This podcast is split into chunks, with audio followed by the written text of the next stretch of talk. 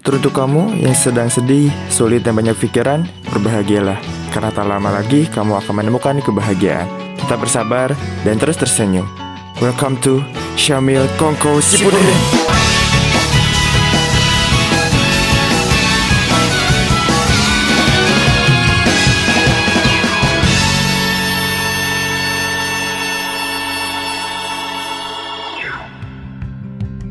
Assalamualaikum, Kang Syam. Waalaikumsalam warahmatullah. Paket ya? Iya paket. Siap.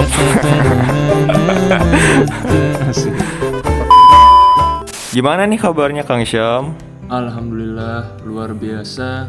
Allahu Akbar. Yes, yes, yes. Duh, kok kayak lemes gitu ya Kang Syam? Emang lagi lemes ini. Oh, ya udah sih sama sih juga. Jadi gini ya Kang Syam. Gue tuh pengen curhat deh. Boleh. Eh, tapi sebelum curhat, passwordnya dulu. Maksudnya gimana? Oh, gue baru paham.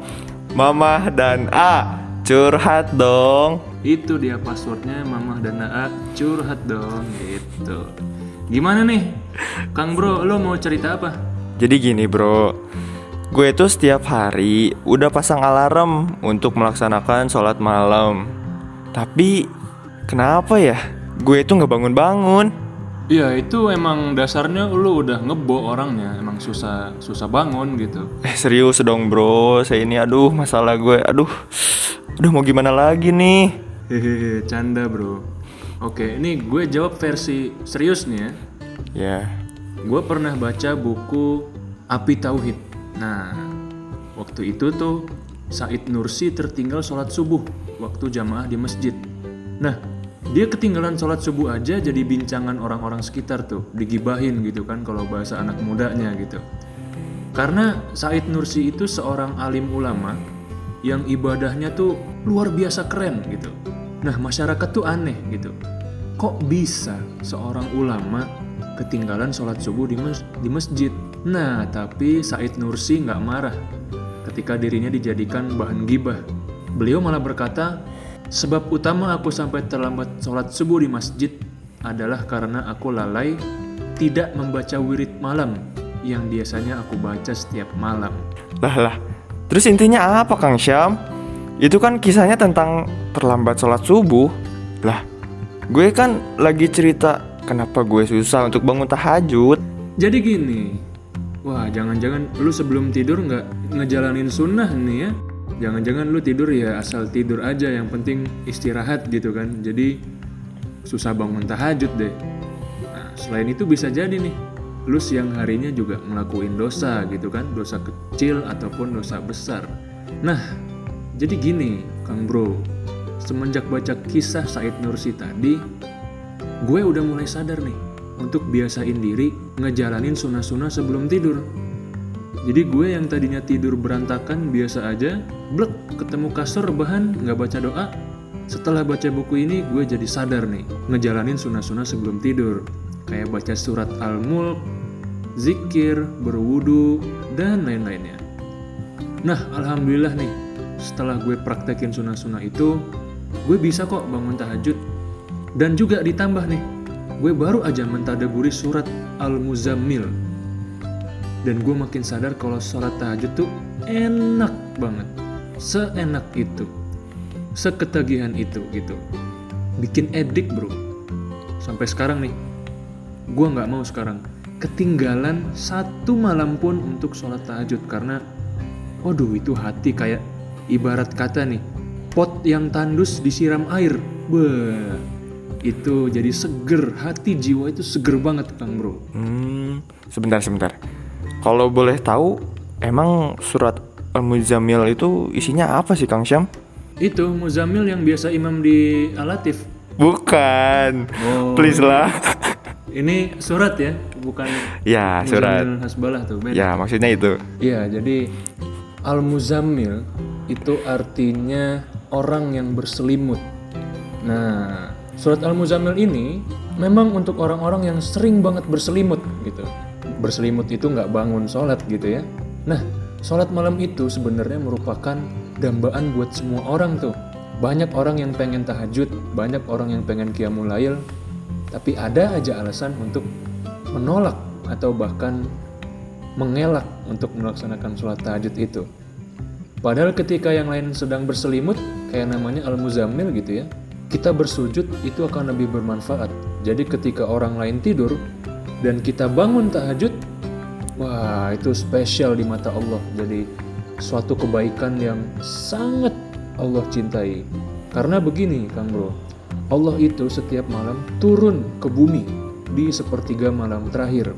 Allah juga utus malaikat-malaikatnya, wahai malaikat catatlah hamba-hambaku yang berbangun sholat tahajud. Jadi spesial sholat tahajud itu. Selain Allah turun ke bumi langsung, Allah juga utus malaikat-malaikat untuk mencatat nama-namanya. Jadi begitu Kang Bro.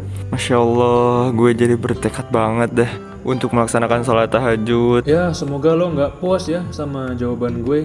Biar lu bisa cari literatur yang lain nih karena gue juga masih belajar gitu kan. Nah tapi mumpung bulan ini bulan Ramadan nih ya, skui gaskan gitu ya. Kita buat tingkatin lagi nih tahajudnya. Kan pas banget tuh bangun sahur jam setengah empat atau jam 4 Nah sebelum sahur tahajud dulu dua rakaat atau tiga rakaat. Itu witir deng, sorry. tahajud itu empat rakaat ya, dua dua dua bisa juga delapan gitu ya. Baru ditutup sama witir tiga rakaat. Nah, kita harus hidupin lagi nih malam-malam kita. Justru nih, Kang Bro, kalau kita lagi Ramadan gini, biasanya kita gampang nih sholat tahajudnya. Gitu. Karena sebelum sahur kita sholat dulu sebelumnya. Bener ya? Tanpa kita sadari, ternyata Allah itu memudahkan kita untuk menghidupkan malam di bulan Ramadan ini dengan adanya sahur ya. Bener juga ya? Bener banget Kang Bro. Jadi beruntung banget orang-orang yang peka sama kode-kode yang Allah berikan kepada kita. Oke, ini jadi PR gue tentang sholat tahajud. Berbayar sudah? Nah, bentar. Satu lagi nih.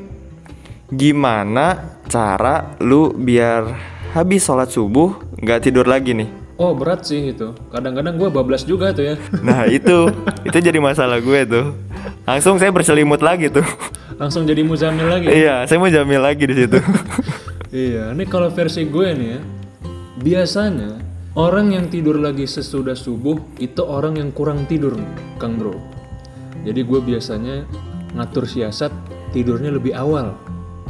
Ya, tapi aduh namanya mahasiswa ya, kita nggak bisa tuh yang namanya tidur jam 8 malam. Itu sebuah hil yang sangat mustahil. Mustahil. Oh, kebalik ya. Sebuah hal yang sangat mustahil gitu. Harus kita selikidi itu penyebabnya. Skledep. Sekilidi. Skelid. Se apa namanya sih? Skilidi ya? Selikidi. Skleding. Eh salah. Sliding. Sliding. Eh. Selidiki. Selidiki. Ah itu. Harus kita selidiki penyebabnya kenapa orang tuh bisa tidur lagi sesudah subuh. Karena dia begadang Kang Bro. Jadi mahasiswa idealnya tuh hidup tidur jam 10 malam Kang Bro. Supaya apa? Bisa bangun tahajud. Nah itulah kita mahasiswa pentingnya manajemen waktu Kang Bro supaya bisa produktif lagi. Nah, tapi biasanya kalau kita belum terbiasa nih untuk ngerjain tugas di pagi hari gitu ya, abis subuh nggak tidur lagi, kita bisa nih pakai teknik journaling. Wah, ini agak ilmiah dikit nih ya, biar biar kelihatan pinter, padahal nggak pinter-pinter amat gitu kan. Jadi kita nulis aktivitas kita sehari-hari, kita bikin to-do list yang akan kita lakukan hari ini. Bisa juga nih kita ikut kajian subuh, kan zaman pandemi gini banyak banget tuh ya kajian-kajian subuh di Instagram, live IG. Orang-orang pada live IG habis subuh gitu, kita nonton ya kan. Itu bisa. Pasti banyak di internet kajian subuh, di IG gitu kan. Zoom-zoom di WhatsApp banyak tuh. Nah, terus juga nih lu bisa banget mandi setelah subuh ya kan? Biar badannya jadi fresh dan harus keluar kamar gitu. Itu wajib banget. Dan mungkin bisa juga kita ngaji bareng keluarga di ruang keluarga misalnya. Jadi biar lebih harmonis lagi. Pokoknya intinya Kang Bro supaya nggak tidur habis subuh cari kegiatan gitu. Mau mandi kayak mau ngaji mau almas surat gitu. Kita harus cari kegiatan bikin to-do list sehingga kita nggak tidur lagi. Gitu Wih, bener. Keren sekali. Lengkap banget nih Kang Syam tipsnya. Masya Allah. Tahu nggak lo bro? Ada satu lagi nih bahwa keberkahan waktu pagi itu ada hadisnya juga. Gitu ya. Dari Imam Imam Ibnul Qayyim mengatakan bahwa Syekhul Islam Ibnu Taimiyah pernah sholat subuh, kemudian setelahnya beliau berzikir kepada Allah hingga pertengahan siang, kemudian beliau menoleh kepadaku dan berkata, ini adalah aktivitas sarapanku di pagi hari. Jika aku tidak sarapan dengan makanan ini, yaitu zikir, maka kekuatanku akan hilang. Al-wabilus Nah, jadi gitu Kang Bro. Zikir pagi itu bagi Ibnu Taimiyah ibarat sarapan sarapan bagi jiwa. Jadi tidak hanya fisik yang butuh sarapan, tapi jiwa kita juga butuh. Gitu. Itulah zikir pagi atau ngaji pagi. Gitu, Kang. Parah sih, top Marco top dah.